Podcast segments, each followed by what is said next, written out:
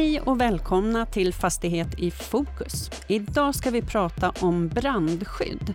Vi ska bland annat döda några myter tillsammans med Hanna Nockoff från Sprinklerfrämjandet. Vi ska få höra om ny spännande forskning av Micke Strömgren från Sveriges tekniska forskningsinstitut. Och så har vi Anders Bergqvist från Brandskyddsföreningen som ska berätta lite om statistik och dagsläget, men som också kommer med en idé kring en smart innovation som ska skydda oss i köket. Hej och välkomna till er alla tre. Det sker ungefär 30 000 bostadsbränder varje år i Sverige och 6 000 av dem de är av så allvarlig karaktär så att man tvingas att larma räddningstjänsten. Omkring 100 personer mister livet varje år i bränder. Är det så här statistiken ser ut, Anders? Jag tycker detta är oerhört allvarligt eh, och framförallt är det så att det har inte förändrats speciellt mycket under väldigt, väldigt lång tid. Så min bild är att man inte riktigt har kontroll på varför det sker. Och det vi kan se nu i våra forskningar och våra efterforskningar, det är att det finns en stark koppling, framförallt de som dör med ålder. Ju äldre man blir, ju högre risk är det att man eh, omkommer. Och det beror till stor del på att man inte hanterar en situation när man exempelvis tappar en cigarett i knät, det börjar brinna, man tar sig inte undan från platsen. Så vi ser en stark relation där. Och nu när vi vet att allt fler människor bor kvar allt längre i sin egen bostad så är detta ett mer akut problem. Är rökning den vanligaste orsaken eller vad finns det? Ja, när, för att dö i brand så är rökningen, den, eller rökrelaterat, eh, är den absolut vanligaste dödsorsaken. Eller den, den som startar branden som man dör av. Eh, så att, eh, Medan i vanliga bränder, om man ska säga sådana som inte orsakar allvarliga skador och död, så är bränder kopplade till spisen och matlagning det absolut vanligaste. Jag skulle vilja lägga till perspektivet att det ju faktiskt har skett en stor minskning över de senaste 60 åren och att det faktiskt har en avtagande trend i antal, eh, eller vad ska man säga, risken för den enskilde har ju faktiskt minskat ganska mycket. Eh, och för vissa grupper har den minskat eh, enormt mycket. Till exempel i kategorin 0 till 4 år, åringar då, barn, så har risken minskat med eh, storleksordningen faktor 10. Men det är precis som Anders säger, Eh, de äldre som är överrepresenterade idag, eh, som är den utsatta grupp som, som löper störst risk att de kommer i brand. Men vi har faktiskt sett en stor minskning över tid. När man pratar om äldre, vad, vilken ålderskategori är det? Man kan säga från 65 och uppåt, men det är mycket kopplat till förmåga. Så det är ju mer kopplat till liksom förmåga. Men, men Micke har givetvis rätt här att framförallt den här gruppen barn, och det är en generell trend, inte bara kopplat till, till brand, och det beror ju på att de senaste 50-60 åren så har vi ett helt annat förhållningssätt till våra barn. Vi är mycket, mycket mer omhändertagande. Så barn skadas ju i princip och dör inte i Sverige eller skadas allvarligt. Det gäller generellt. Där ser vi en skillnad mot andra länder. Det som också är en stor skillnad i Sverige det är ju att vi bor väldigt mycket ensamma. Och det tror vi har en stor eh, påverkan att Eh, ensamhet gör ju att man måste agera själv, men i många andra eh, kulturer så bor man ju, de gamla bor ju kanske inte lika ensamma. Så det tror vi finns en stor, alltså att man måste kunna agera själv om man, man bor i den, eh, som, som i Sverige då. Och, och, det är ju även kopplat till barn, det vill säga att man är inte ensam som barn i Sverige idag, som man kanske var för 50 år sedan och då, då skadas man inte. Micke, det här du berättade att det trots allt har gått ner de senaste 60 åren. Vad är förklaringen till det? Det kan säkert finnas många förklaringar och det, det, det vi vet om forskningen på bostadsbränder, vilka som omkommer, är att det är ganska komplexa samband. Det finns eh, många socio, sociala faktorer och olika socioekonomiska grupper drabbas olika. Eh, och precis som Anders var inne på här så har ju eh, just för gruppen små barn då, så har det ju skett ganska stora förändringar i hur vi ja, till exempel att vi har en förskola idag som, som där vi har barnen en stor del av tiden på, på dagarna. Eh, det kanske vi inte hade på 50-talet. Eh, och eh, eh, genom att vi då har en vad ska man säga, skyddad miljö för dem då på förskolan till exempel jämfört med att de skulle vara hemma eh, till viss del själva då i hemmet med de risker som då finns så, så kan det innebära att, att man har minskat, minskat riskerna. och det man då kan fundera på det är ju Eh, vad gäller de äldre som ju är en utsatt grupp. De, där ser vi en tendens att man mer och mer låter de äldre bo kvar i hemmet istället för att ge dem möjlighet till, till vård på ett äldreboende till exempel. Eh, där finns ju såklart risker då med, som innebär att, att, att riskbilden kanske ser annorlunda och kanske ökar för den gruppen. Hanna, har du någonting att tillägga om det här dagsläget, vart vi står idag? Ja, vi har ju fångat upp eh, äldreboenden då det är numera ett lagkrav med sprinkler där. Så där dör ju väldigt få människor numera. Men just de här äldre människorna som bor kvar hemma har vi fortfarande inte riktigt fångat upp. Men eh, sprinkler är ju ett sätt att lösa det då för att eh, då har de lite längre tid på sig att utrymma. Vilka fler sätt finns det förutom Ja, man kan ju ha brandvarnare till exempel i hemmet. För när vi pratar om äldre, det är det här individanpassad boende när man bor kvar hemma. Och... Ja, alltså det som vi pratar om nu, äldre människor eh, som normalt sett, eller längre bak när man blir riktigt dålig, så kommer man in på en institutionellt boende. Det finns ju egentligen inte idag. Eh, 1956 så fattades det beslut i Sverige om att man skulle ha en kvarboendeprincip. Och då var det ju mer utifrån en rättighet att inte bli intvingad på hem som jag tolkar det. Idag är den här kvarboendeprincipen något helt annat. Idag finns det ingen möjlighet att komma in i någon, någon vård, eh, vad ska jag säga, institutionell vård. Så vad man gör egentligen är att man flyttar ju en, en, en kvalificerad vårdapparat från en institution till allas bostäder. Så egentligen transformerar man ju bostaden till en institutionell vård.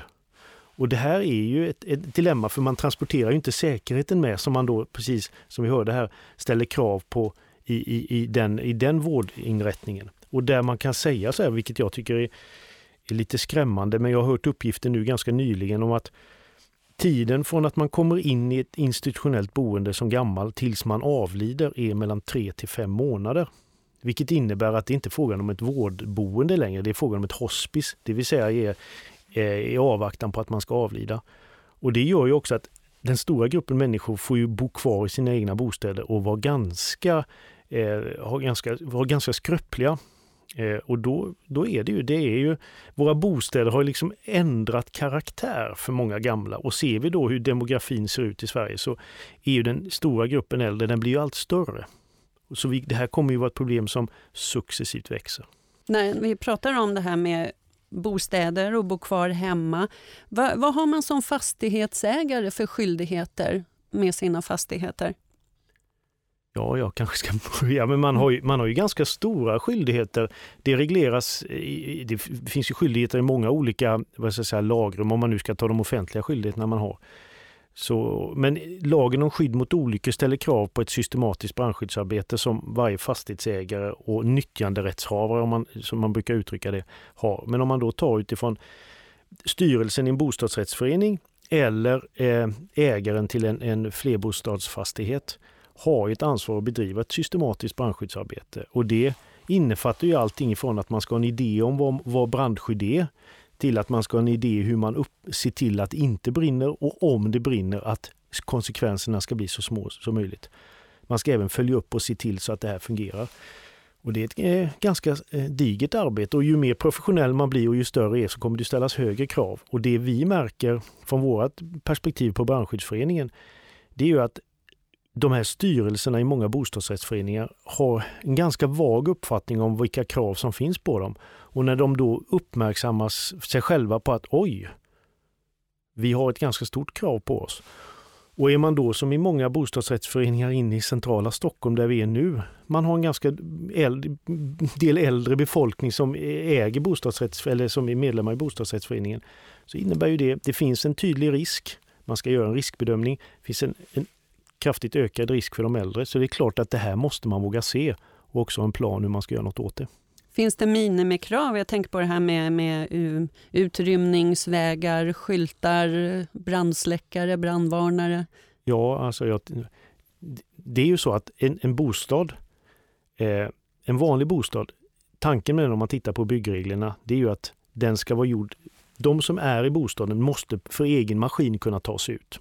Man ska ha två av varandra oberoende utrymningsvägar. Och i en flerfamiljsbyggnad så är det så att man kan, trapphuset kan vara ena vägen och sen har man gjort en, kan man säga, ett litet undantag i att man säger att i, i eh, stadsmiljö så kan räddningstjänstens maskinstegar vara en utrymningsväg. Eh, men det, det kan man se nästan som ett undantag. Annars är det så att man ska alltid ha två andra oberoende utrymningsvägar och de som är i byggnaden eller i bostaden ska ha möjlighet att själva ta sig ut. Så de kraven har man. Det säger Anders på Brandskyddsföreningen. Eh, eh, Micke på eh, Sveriges tekniska forskningsinstitut. Vad, vad, kan man som enskild person göra? Eh, man har ju ansvar för att eh, säkerställa att brandvarnaren fungerar och det är en av de viktigaste brandskyddsåtgärderna som vi har och kanske en delförklaring till att, eh, till att risken att de kommer i brand har minskat. Och eh, den är ju till för att ja, ge en tidig varning i händelse av brand eller om någonting inträffar och är särskilt viktigt om man sover till exempel. Sen har man ju eh, ansvar för att uppmärksamma om någonting har inträffat i, i huset när man bor till exempel. Om man upptäcker att eh, uh, utrymmningsvägar är blockerade eller så, så får man ju rapportera då till, till den som då är ansvarig då, beroende på hur man bor. Inte minst så, så har man ju ansvar för uh, det som kan börja brinna, att man är, man är försiktig med att hantera levande ljus till exempel, eller uh, en brand på spisen. Då. Glömd spis är en av de vanligaste brandorsakerna. Sunt förnuft och att man är försiktig Brandsläckare då? Hanna, är brandsläckare någonting som är vettigt att ha hemma eller är det en onödig Absolut, det mm. tycker mm. jag. Eh, det är väldigt viktigt att ha. Vi har en hemma hos oss. Vi har inte behövt använda den, tack och mm. lov. Eh, en annan aspekt som man ofta ser, jag som bor i lägenhet, att eh, trapphusen är blockerade med barnvagnar, pulker, lite allt möjligt, cyklar och så vidare så står det någon liten lapp där cykelparkering förbjuden som ingen bryr sig om. Och det är ju att blockera utrymningsvägen helt enkelt. Vad är det allvarliga med det? Eh, det mest allvarliga är, skulle jag säga, om det utbryter en brand där. För då blockerar du utrymningsvägen och rökfyller hela trapphuset i värsta fall. Och nu är det ju så att man ska ha två oberoende utrymningsvägar, men det är ju inte alltid gjort på det sättet. Och då kan det vara svårt att helt enkelt ta sig ut. Men det är fastighetsägarens skyldighet att se till att det är tomt där, eller? Ja. Sen ska man ju komma ihåg att det finns eh, ett krav på brandceller i byggnader också, som innebär att varje lägenhet ska vara utförd som en egen brandcell så att man är säker där under ett brandförlopp. Det innebär att, att man måste se till att de brandcellsgränserna fungerar som avsett så att man inte har någon risk för eh, spridning då till grannarna och så vidare. Men som regel så verkar de fungera ganska bra för det är mindre än en procent av bränderna som sprider sig till en annan brandcell. Är det med säkerhetsdörrar, brandsäkra dörrar? Ja, dörrarna är säkra då eh, och ska vara testade då, så, att de, så att de kan klara ett, ett visst brandförlopp. Då. De brandscenarier som man kan föreställa sig. Jag såg att du Anders ville tillägga någonting här. Ja, alltså det här är en jätteintressant fråga. Och det här ser man ju, en sak är de moderna byggnaderna eller de nya byggnaderna som man bygger som, som då är ganska stora krav på. Sen har vi då storstädernas innerstäder som är då 100 år gamla. Och jag vet här i Stockholm, eftersom jag har jobbat i brandförsvaret i Stockholm i många år tidigare. Här har vi glaspartier i, i dörrarna, glaspartier i brandcellsgränserna. Vi har ganska mycket gamla dubbeldörrar där man väljer att ta bort innerdörren för att sätta dit gallergrindar. Och, så man gör en hel del, vad ska man säga, större åverkan på just brandcellsgränserna som Micke pratar om. Och det är klart det får en konsekvens. Sen skulle jag vilja säga det som, som Hanna säger att det här med, med, med, att lagra saker eller förvara saker i trapphusen, det tycker jag också är, det är en mycket, mycket större risk än vad, vad man kan tycka. När man går där i vanliga fall tycker man ja, en pulka gör väl inte så mycket, eller en brand eller en, en, en barnvagn gör väl inte så mycket.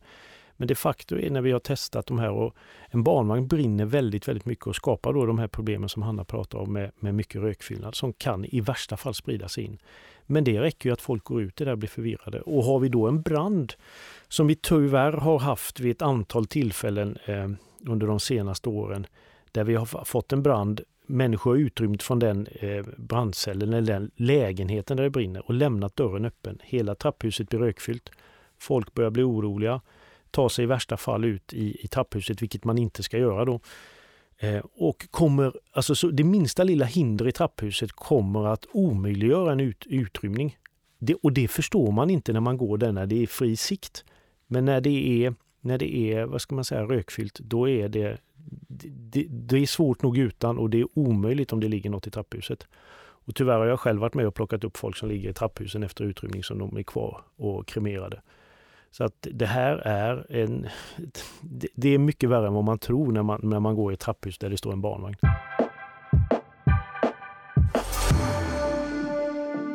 I senaste numret av Fastighet och bostadsrätts tidning om eh, fuktsäkerhet har vi en eh, artikel om vattenfelsbrytare och när man installerar det så kan man få nedsatt eh, avgift till försäkringsbolagen. Finns det något liknande när det gäller brandskydd om man installerar om man har brandvarnare, brandsläckare, allt det här vi har pratat om? Sprinkler? Hanna?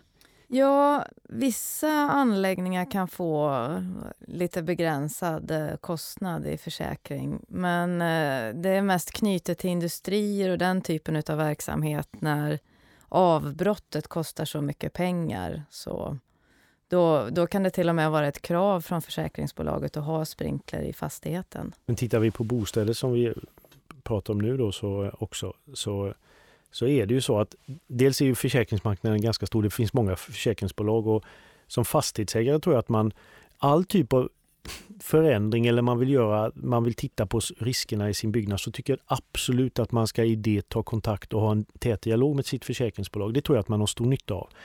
Sen beror det ju lite på relationen man har med försäkringsbolag och vad de gör för riskbedömning. Eh, och där tror jag att det, man ska absolut ha den dialogen. Men eh, generellt så tror jag inte att jag har hört talas om speciellt mycket sådana här saker. För det är ju också så, det är ett lagkrav. Det är inget lagkrav på att vattnet ska stängas av. Det är liksom en ren egendomsskada. Men det finns ju faktiskt lagreglerat att man ska ha brandvarnare. Och att man då som vi pratar om i lagen om skydd mot olyckor, man ska bedriva förebyggande arbete mot brand. Så att eh, det, det är lite annorlunda. Borde man samla sina hyresgäster eller i bostadsrättsföreningen och prata om brandskydd kontinuerligt? Det, det tycker jag absolut. Det är ju jätteviktigt. Och om man tänker sig att en byggnad så, så kan man känna sig ganska, eller flerfamiljsbyggnad, så kan man känna sig ganska vad ska man säga, trygg i sin lägenhet. Men man ska vara medveten om det att man bor i ett hus som är indelad, precis som Micke sa, i ett antal brandceller då, eller ett antal lägenheter. Men det är ju egentligen bara en vägg eller en dörr eller något annat. Så man bor ju väldigt, väldigt nära sin, sin granne. Börjar det brinna inne på grannen så är det ganska sannolikt att man på ett eller annat sätt blir påverkad och i värsta fall så sprider sig branden, även om det inte är så vanligt. Så det är klart att man borde ju framförallt i en bostadsrättsförening där man känner att man har en gemensam styrelse och man har en, ett gemensamt ägande, verkligen lägga sig den på att alla har samma nivå och att man ser. I en flerfamiljsbyggnad då med en fastighetsägare, då är det mer fastighetsägaren som får reglera detta mot sina hyresgäster. Eh, men i en bostadsrättsförening tycker jag det finns jättestora behov och möjligheter att prata om det här eh, och säga liksom att titta och göra individuella riskbedömningar där man kanske vet att eh, Eva hon är lite skröplig. Ja, det kanske är så att man ska ha en brandvarnare, vilket jag tycker är konstigt att det inte finns mer. Att det är en brandvarnare så, så om det börjar brinna eller rökutvecklas i någon lägenhet, att man hör det ute i trapphuset. Så att någon annan är medveten om det. För jag menar, brinner det in hos Eva och ingen annan vet att det sker, ja den branden hinner ju växa till sig och rätt vad det är så påverkas alla. Så att den typen av lösningar borde utvecklas betydligt mer. Och, och, i det måste jag säga, det finns faktiskt en sak som man kanske inte tänker så mycket men vi pratar om de vanligaste bränderna och i en flerfamiljsbyggnad då så är glömt spis det absolut vanligaste i, i bostads, eh, vad ska jag säga, bostadsutrymmet. Men faktum är att nästa del är anlagda bränder. Och de sker ju oftast inte i bostadsmiljön utan i de egen eller de semipublika delarna. Vind, källare, trapphus, eh, Eh, eh, ett, eh, sop, soprum och sånt. Och det tycker jag man som fastighetsägare och bostadsrättsförening borde absolut fundera på. Okej, okay, börjar det brinna på vinden, vad gör, händer då? Det kan ju brinna ganska länge på en vind innan, innan någon upptäcker det om det inte finns någon varningsutrustning. Och när det väl brinner på en vind, och det beror givetvis på byggnadskonstruktionen, så sprider det sig ganska snabbt då. Eh, eller det brinner i eh, soputrymmet då, det kommer också sprida sig. Så att den typen, och som fastighetsägare eller som bostadsrättsförening så tycker jag absolut, det där ingår nästan i ens riskbedömning att förstå och göra något åt det.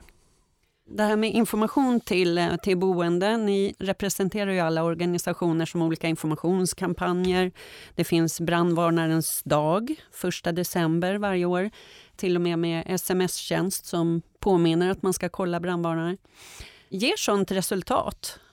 Ja, vårt arbete i Sprinklerfrämjandet, nu arbetar ju vi för att främja sprinkler då, inte brandvarnare, men eh, i det fallet så har vi försökt sprida information och framförallt jobbat en hel del med räddningstjänster och försökt komma ut och utbilda hur man snabbt kan stänga av systemen för att inte orsaka vattenskador och den här typen av eh, eh, skador som kan bli av sprinklersystemet. Och i de fallen så blir det ju också att räddningstjänsten gör reklam för sprinkler och tycker att det är bra för branden är inte lika stor när de kommer till plats och så vidare. Då. Och det här arbetet har ju också eh, indirekt gett det här kravet att eh, all vårdverksamhet ska sprinklas. Så eh, arbetet som vi gör här i den här gruppen, det är klart att det ger resultat. Sen om det är sms-påminnelse om brandlarm eller inte, det, ja.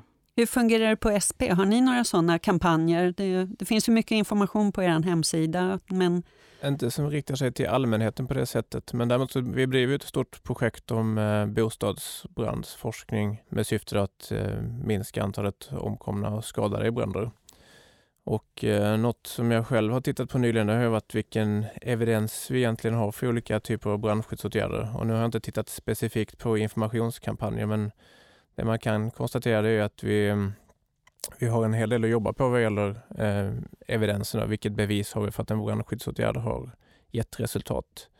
Och eh, det finns bra exempel inom till exempel brandvarnarområdet där man har jämfört, och man har, man har gett brandvarnare till, en, eh, till ett slumpvis utvalda hushåll och som har jämfört det med, med hushåll som inte har någon brandvarnare.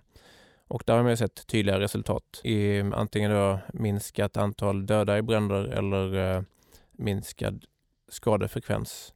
Och i det här fallet var det skadefrekvens, alltså minskat antal skadade i bränder. Och eh, jag tror att man behöver liknande typer av eh, undersökningar av informationskampanjen också.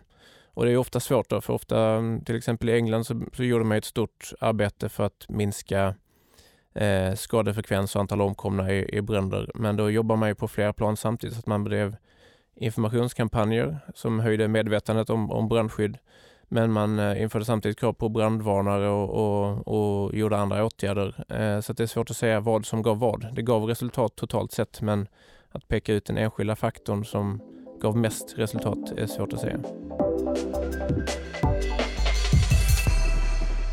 Eh, det byggs ju en hel del väldigt höga hus nu. Eh, jag har kompisar som flyttade till ett 25-våningshus eh, och träffade henne senast igår och då berättade hon att de har sprinklersystem i sin lägenhet. Är det så med de här höga husen som byggs nu? Är det krav? Finns det någon, någon speciell höjd? Krav ska jag väl inte säga att det är, men det blir en naturlig del utav brandskyddet när vi pratar skyskrape, höga hus. Um, till exempel de här nya Norra tornen i Hagastaden är ju försedda med sprinkler. Uh, och det är ganska naturligt och säkert. Nu är jag inte helt säker på det här, men uh, jag tror att man måste göra analytisk dimensionering när det är höga hus vilket ofta kan generera till sprinkler, även om det inte i sig är ett krav. så att säga. Vad är det med sprinkler som är så bra? Eh, det som är så bra är ju att eh, det är automatiska eh, bulber i sprinklerhuvudena som aktiverar utav branden och det aktiverar ju enbart där det brinner då. Så i boendemiljöer så pratar vi oftast om en sprinkler, ibland två beroende på hur branden ser ut.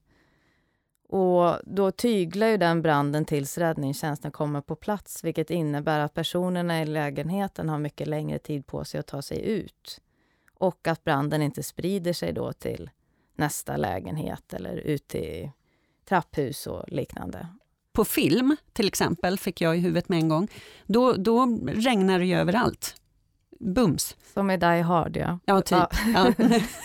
Eh, och så är ju alltså inte fallet för att eh, ett sprinklerhuvud aktiverar på värme och det är 68 grader normalfallet. Så då när det brinner, då aktiverar första huvudet och har det blivit en lite större brand så kan ytterligare ett huvud aktivera. Men i bostäder då är det 90% av fallen ett sprinklerhuvud som aktiverar enbart.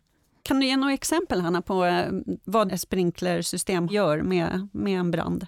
Ja, eh, Sprinklerfrämjandet gjorde en film för att sprida kunskapen om sprinkler som vi var inne på innan. Eh, och då var det en lägenhetsbrand i centrala Stockholm i maj 2012 Där en tjej kom hem eh, sent på kvällen och skulle laga lite mat. Somnade i sängen och branden bryter ut i trinettköket.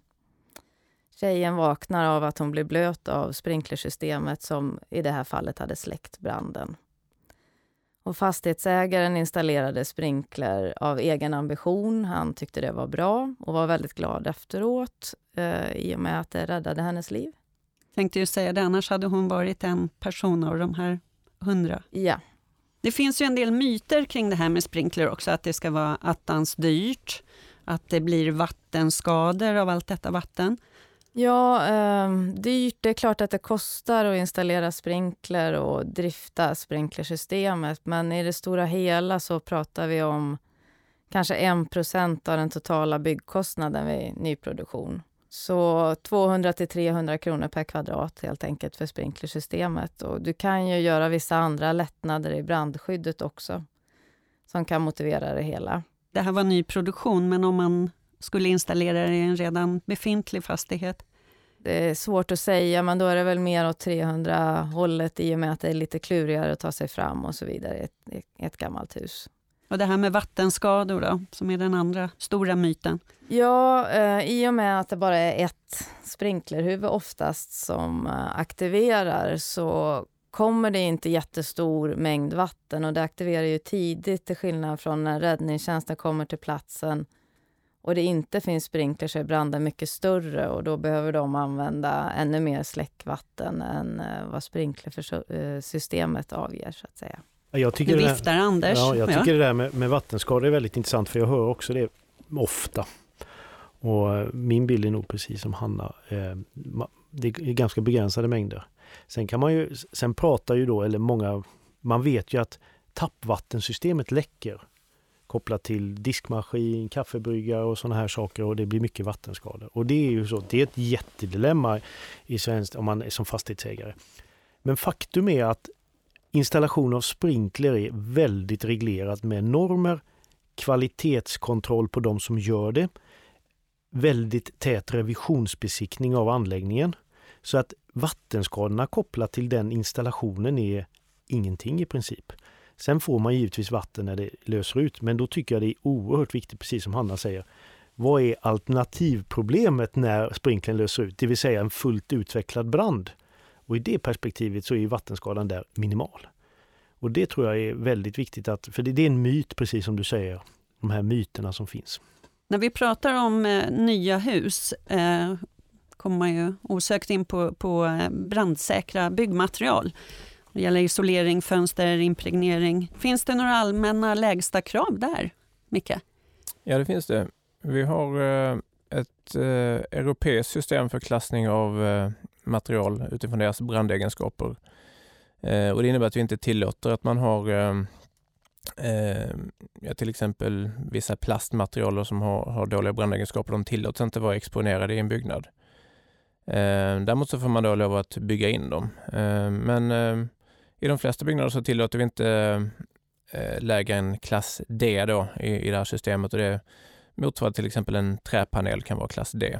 Så att man, eh, de byggprodukter som vi stoppar in i en byggnad, de är alltså provade då för eh, att bedöma då hur de beter sig vid en brand utifrån ja, rökutveckling, flamman och så vidare. Hur goda är kunskaperna om det här? Ja, man är ju skyldig att, att uppfylla de kraven som finns och vi har ett eh, system då i Europa för att CE-märka byggprodukter. Så eh, produkter måste eh, märkas då och, och, ha en klass angiven.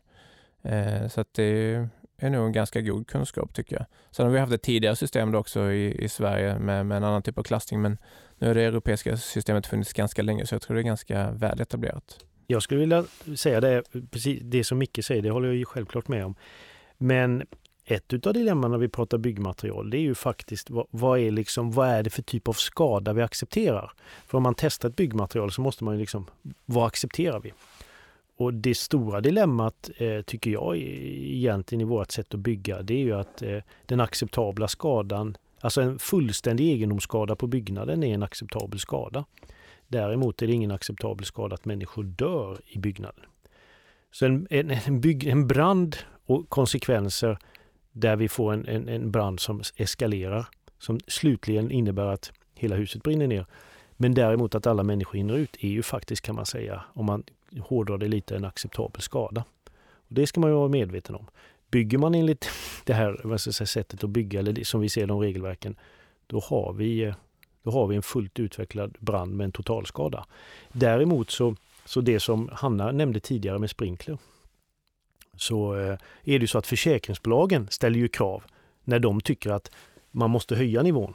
Och då ställer de ju krav exempelvis på sprinkler eller andra brandskyddsåtgärder. Men då är det reglerat i ett avtal, ett försäkringsavtal.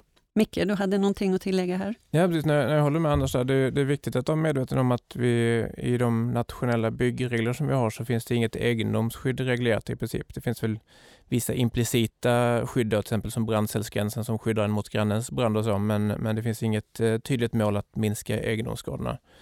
Eh, så det bör man vara medveten om själv och eh, samtidigt får man ju då en parallell till, eh, till att vi, vi reglerar ju inte vad man stoppar in i sitt, sin bostad heller. Det finns ju många farliga eh, produkter där också. Till exempel en soffa kan ju brinna och, och vara betydligt farligare för eh, människors liv och säkerhet än, än vad isoleringen i väggen är. Om man, ska, om man tänker på äldre fastigheter som, där det kanske finns material som inte skulle gå att använda idag. Men om man, om man ska ja, göra... Får jag bara. När du säger äldre fastigheter, pratar de, är de fem år eller hundra år? Nej men riktigt gamla. Då, typ jag, då, då, har vi inte alls det problemet. Nej, men jag tänker om man ska försöka och, och göra det brandsäkrare, är det liksom, ska man rikta in sig på fönstren eller är det fasaden? Eller då, är det... då tycker jag, tittar man på gamla hus så är det, de, är själv, de är självmarkerande. De står kvar. Oavsett? Ja, du ser ju Stockholms innerstad, det är inga nedbrunna hus här. Mm. De är ganska bra. Sen är de utbyggda, eller byggda på ett speciellt sätt. Men eh, det däremot som jag tycker är det stora problemet, det är moderna byggnader som byggs med oerhört slimmad funktion, oerhört små marginaler. Det är där det stora, där man verkligen jobbar stenhårt för att minska marginalerna utifrån de kraven som ställs. Och det är väl okej, okay, eftersom kraven ställs så. Men man ska vara medveten om det om man projekterar ett nytt hus. Bygger man enligt regelverket, då har man ett hus ett, ett, om man tar ett, ett flerbostadshus exempelvis. Vi har ett väldigt typiskt, eh, eller ett väldigt tydligt exempel. Det var i Luleå, var ett ganska nybyggt hus för två år sedan. På översta våningen så började, var det en student, för det var ett studentboende, som eh, lagade mat. Glömde kastrullen, det började brinna. Den brand, att han glömde kastrullen slutade med att hela huset var tvungen att eh, rivas. Det var 60 lägenheter. Och det var helt okej. Okay. För det var så det var konstruerat. Men det kanske inte var så man som fastighetsägare tänkte att huset skulle bli. För det sker ganska många kastrullbränder varje år i Sverige.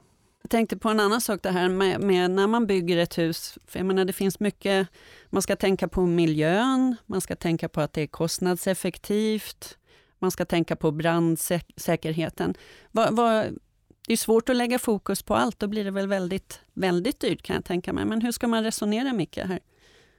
Jag tycker det är viktigt att man eh, riktar in sig på de mål vi har med brandskyddet. Vi vill eh, skydda människorna, vi vill säkerställa att eh, brandcellerna är intakta och så vidare. Och så ska vi titta på de, de egenskaper som, som materialen har och hur det funkar i byggnaden som system. För så länge vi har den approachen, då kan vi bygga ett innovativt och hållbart brandskydd så att vi klarar målen under livscykeln.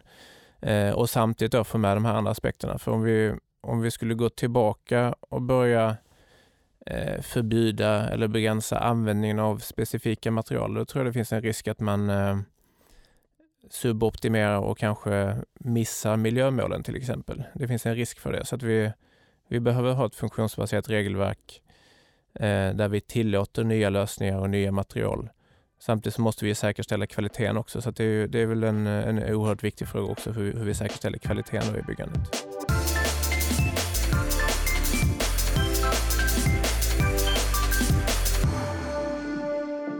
Vi, vi pratar ju om höga hus eh, av nästan skyskrapestil. Och, och då tänker jag på det här med hissar.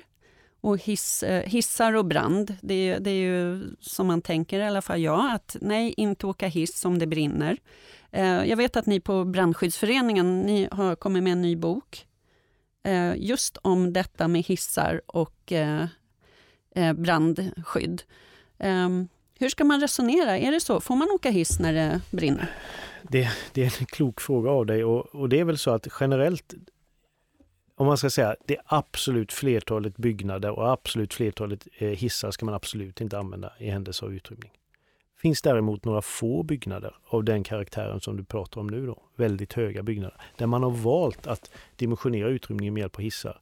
Då har ju hissarna, de är väldigt särskilt utformade för att kunna fungera för det här. Men normalt sett så använder man idag inte hissar för utrymning. Då vet man att man bor i ett sånt hus. Om man... Ja, som fastighetsägare eller om det är en bostadsrättsförening, det bör man ju absolut ha kontroll på. Som jag nämnde tidigare, det här med systematiskt brandskyddsarbete eh, är ju oerhört centralt och i det arbetet så måste man ju, de som är i huset måste ju veta om det här. Eh, annars, då är det ju gjort så att folk ska liksom, man har räknat på utrymningen så att man ska ta sig ut med, med hissarna.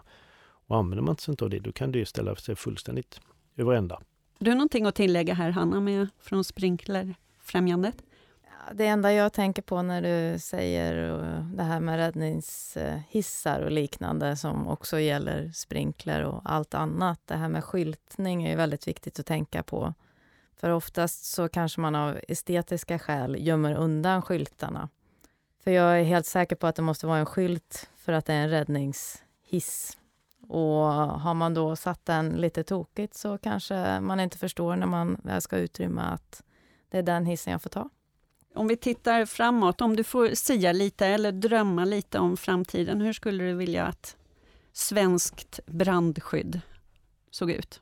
Jag ser gärna mer sprinkler, både ur ett eh, egendomsskydd och eh, personsäkerhetsskydd. Eh, det är ett bra komplement som säkrar brandskyddet överlag och också ser till att färre människor dör i, i bostadsbränder. Vad tycker du Micke? Har du något drömscenario? Jag tror eh, kvalitets och uppföljningsfrågorna är väldigt viktiga för vi, vi pratar väldigt mycket om eh, potentiella brandskyddsproblem och så men utan att vi egentligen har en ordentlig uppföljning och utan den uppföljningen så har vi egentligen ingen tydlig bild om vad exakt problemet är. Eh, så jag tror vi måste börja där för att vi verkligen ska komma till rätta med effektiva lösningar på problemet så att vi så att vi får det här innovations, innovationsdrivna byggandet med, med en hög kvalitet på brandskyddet. Eh, och där vi gärna också tänker på den enskilda människorna. För vi vet ju då att eh, olika grupper är olika sårbara. Utsatta grupper behöver mer brandskydd och för att vi ska rädda liv så tror jag att vi måste kunna individanpassa brandskyddet mer. Ja, jag tycker det är, brandskydd det är en attitydfråga. Och det är vi väldigt mycket ute på att försöka påverka attityd genom att upplysa människor. Eh, på olika, och sen beroende på i, i sin egen lägenhet eller om man är fastighetsägare eller sånt där så är det attityd. Det vill säga att inse att det kan hända och att man måste göra något. Sen så tror jag också att eh, lite eh, som Micke säger här, eh, nu är det ju alltid en forskares svar på allt eh, eftersom jag, jag har ju själv varit i den miljön att det är att forska mer. Men i det avseendet så tror jag definitivt att en systematisk uppföljning är oerhört central. Men sen tror jag också mycket på det här innovativa, inte bara innovativa byggandet utan att man ser, försöker möjliggöra, om vi nu tar spisbranden exempelvis. Det är den absolut vanligaste branden. Och då ställer jag mig frågan, skulle inte spisen kunna hantera det där själv? Om man har, eh, tänker på kylskåp som ska kunna berätta för ICA att mjölken är slut. Då är det klart att det är möjligt för en spis att inse att det inte ska brinna. Och där tror jag att vi måste på något sätt börja titta på, kommunicera med omgivningen och få ett systemperspektiv på det här. Det vill säga att om vi tar köket som ett problem. Vilka är inblandade i köket? Ja, det är alltifrån de som producerar vitvaror till IKEA eller till eh, de som köper, eh, liksom, tillverkar stolar eller de som levererar mjölk. Om man tar ett perspektiv på det så ser man, okej, okay, här har vi problemet. Kan vi göra något?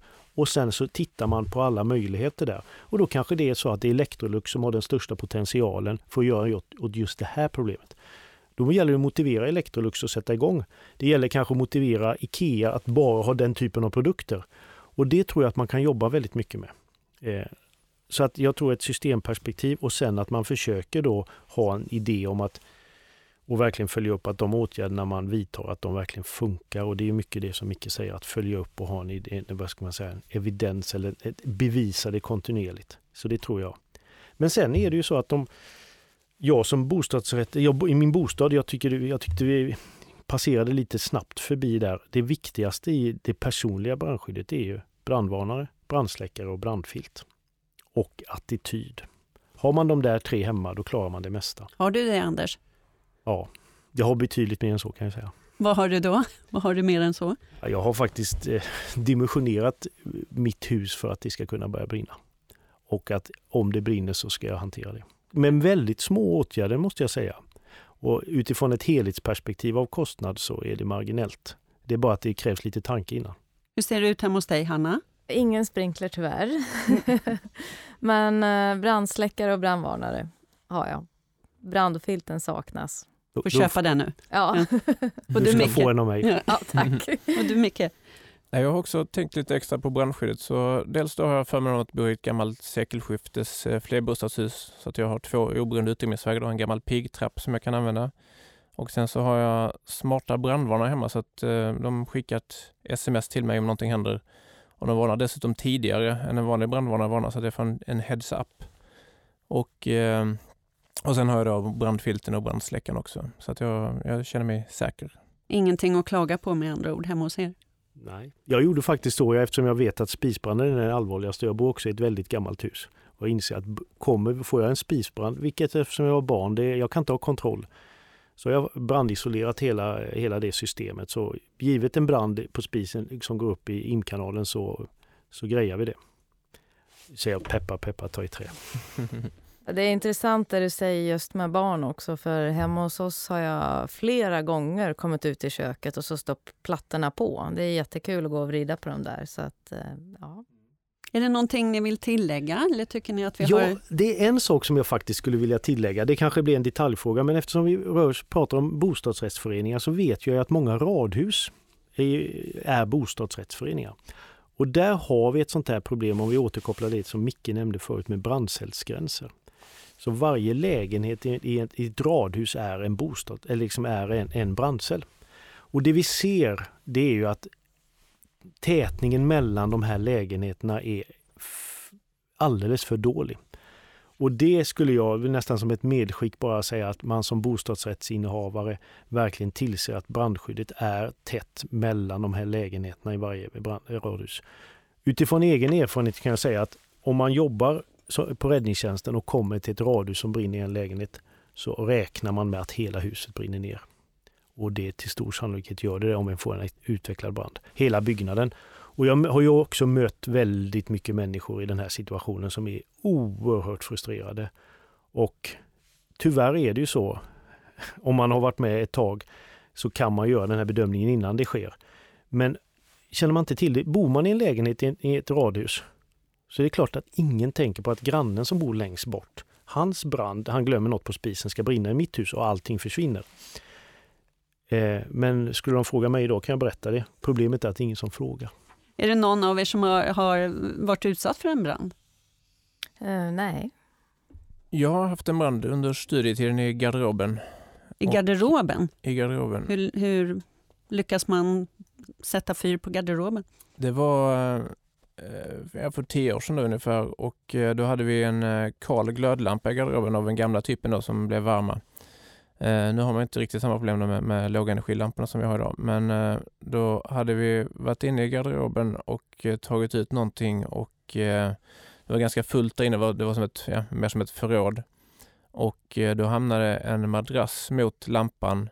Och då skymde då madrassen så att man såg inte, eller ja, vi uppfattade det som att det var släckt där inne, men det var det inte utan den, den eh, låg där och, och andade mot madrassen. Så efter, eh, jag tror det tog eh, 12-16 timmar någonting sånt, så kände jag att det, att det luktade konstigt i lägenheten. Eh, och det var under studietiden då så att vi, vi, hade, vi hade precis eh, plockat fram dammsugaren och det, det, gjorde vi inte så ofta så vi trodde att det var något från dammsugaren som luktade.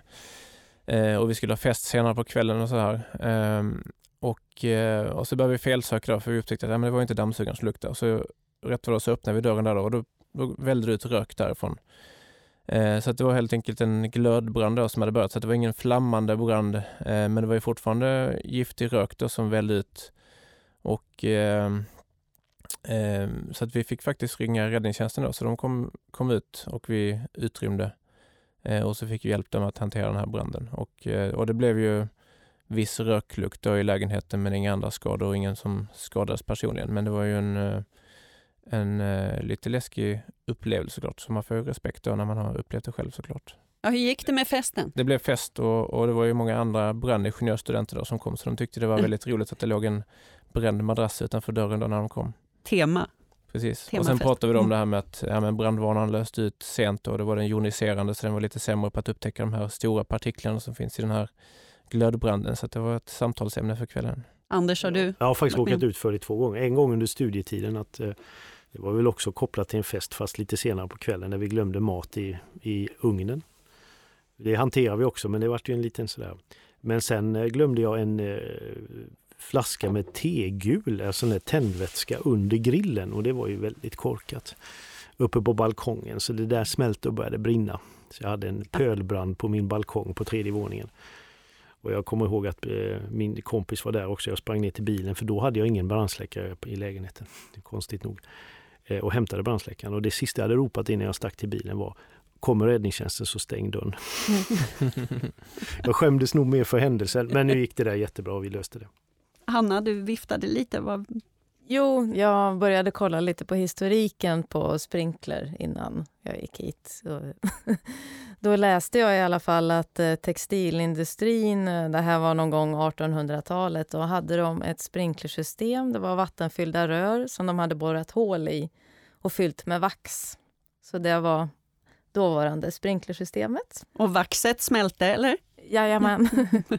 Jag tänkte bara passa på att berätta, vi, har ett spännande projekt faktiskt som just bostadsbrandforskning tillsammans med ja, SP då, tillsammans med Lunds universitet. Och där, där håller vi faktiskt på att titta på Eh, flera olika typer av eh, eh, brandskyddsåtgärder. Bland annat den som, som Anders tog upp som är ju en väldigt intressant då, spi, spisvakt som, som då skulle kunna hantera det här problemet med glömd spis och potentiellt då, om alla hade det kanske man skulle kunna rädda en 10-15 liv om året. Eh, andra saker som vi tittar på är effektivare sprinklersystem då, som kanske både är mer kostnadseffektiva men också som eh, eh löser ut snabbare som då skulle kunna eh, lösa ut när, när branden är mindre och inte har hunnit orsaka lika mycket materiella skador och skador på, på människor.